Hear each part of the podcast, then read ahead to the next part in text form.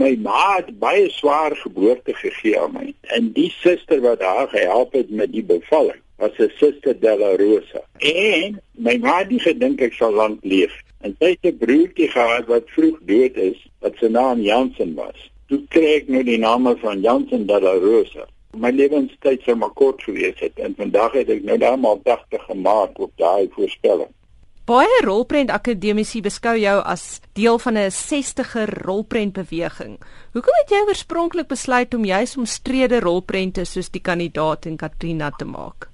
Dit was die woelinge van die tyd. Dit was die stryd tussen verlig en verkramp. Die Wimpie de Klerk en die ander streenie soort van faksies wat ook binne in die akademie gewoed het. Soveel persone dat hulle toe later aan wou uitmekaar uitskeer.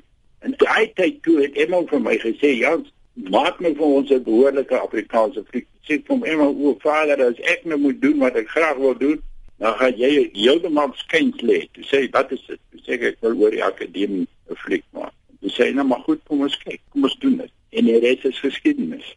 Hierdie einste akademie wat jy nou op so 'n kontroversiële manier uitgebeeld het in die kandidaat toe nog steeds vir jou latere erepenning vir die einste fliek gegee het. Ja, ons het hulle na 'n spesiale voorvertoning genooi. Al die akademie raadslede en hulle voorsitter was regter Victor Hemstra. En Victor het vir my agterna gesê skitterend. En die gevolg was dan binne maande het ons die erepenning gekry vir die kandidaat en nog in dieselfde jaar as ek verkies tot die akademie en wat ek nog vandag nog 'n lid van is. En in daardie tydperk was sensuur in Suid-Afrika baie streng geweest. Hoe het jy dit reg gekry dat jou flieks veral Katrina nie verbân is nie? Die eerste ding is ek was 'n lid van die Akademie vir Wetenskap en Kuns. Daarom was ek half onaantastbaar. Eintlik reg die ministerraad vir my op die stadium sê Jans, jy weet nie hoeveel druk het ons oor jou binne in die akademie training.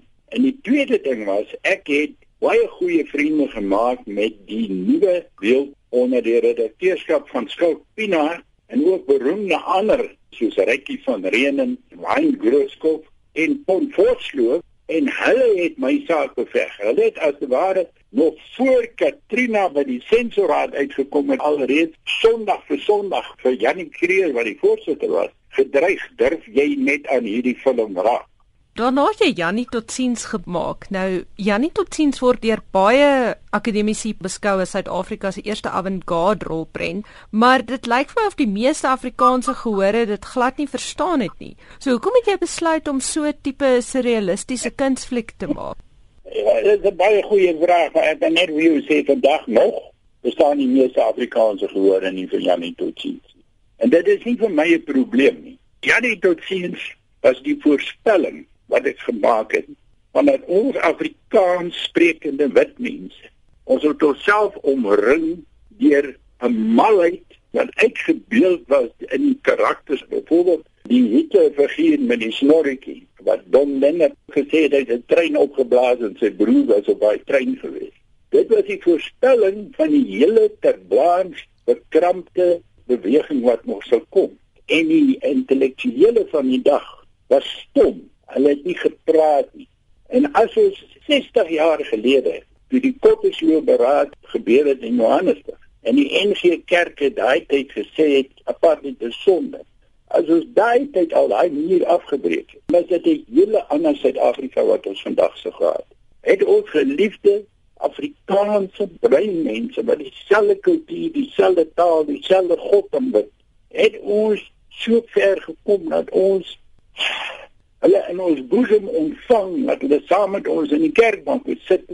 Het dit het dit nou al gebeur?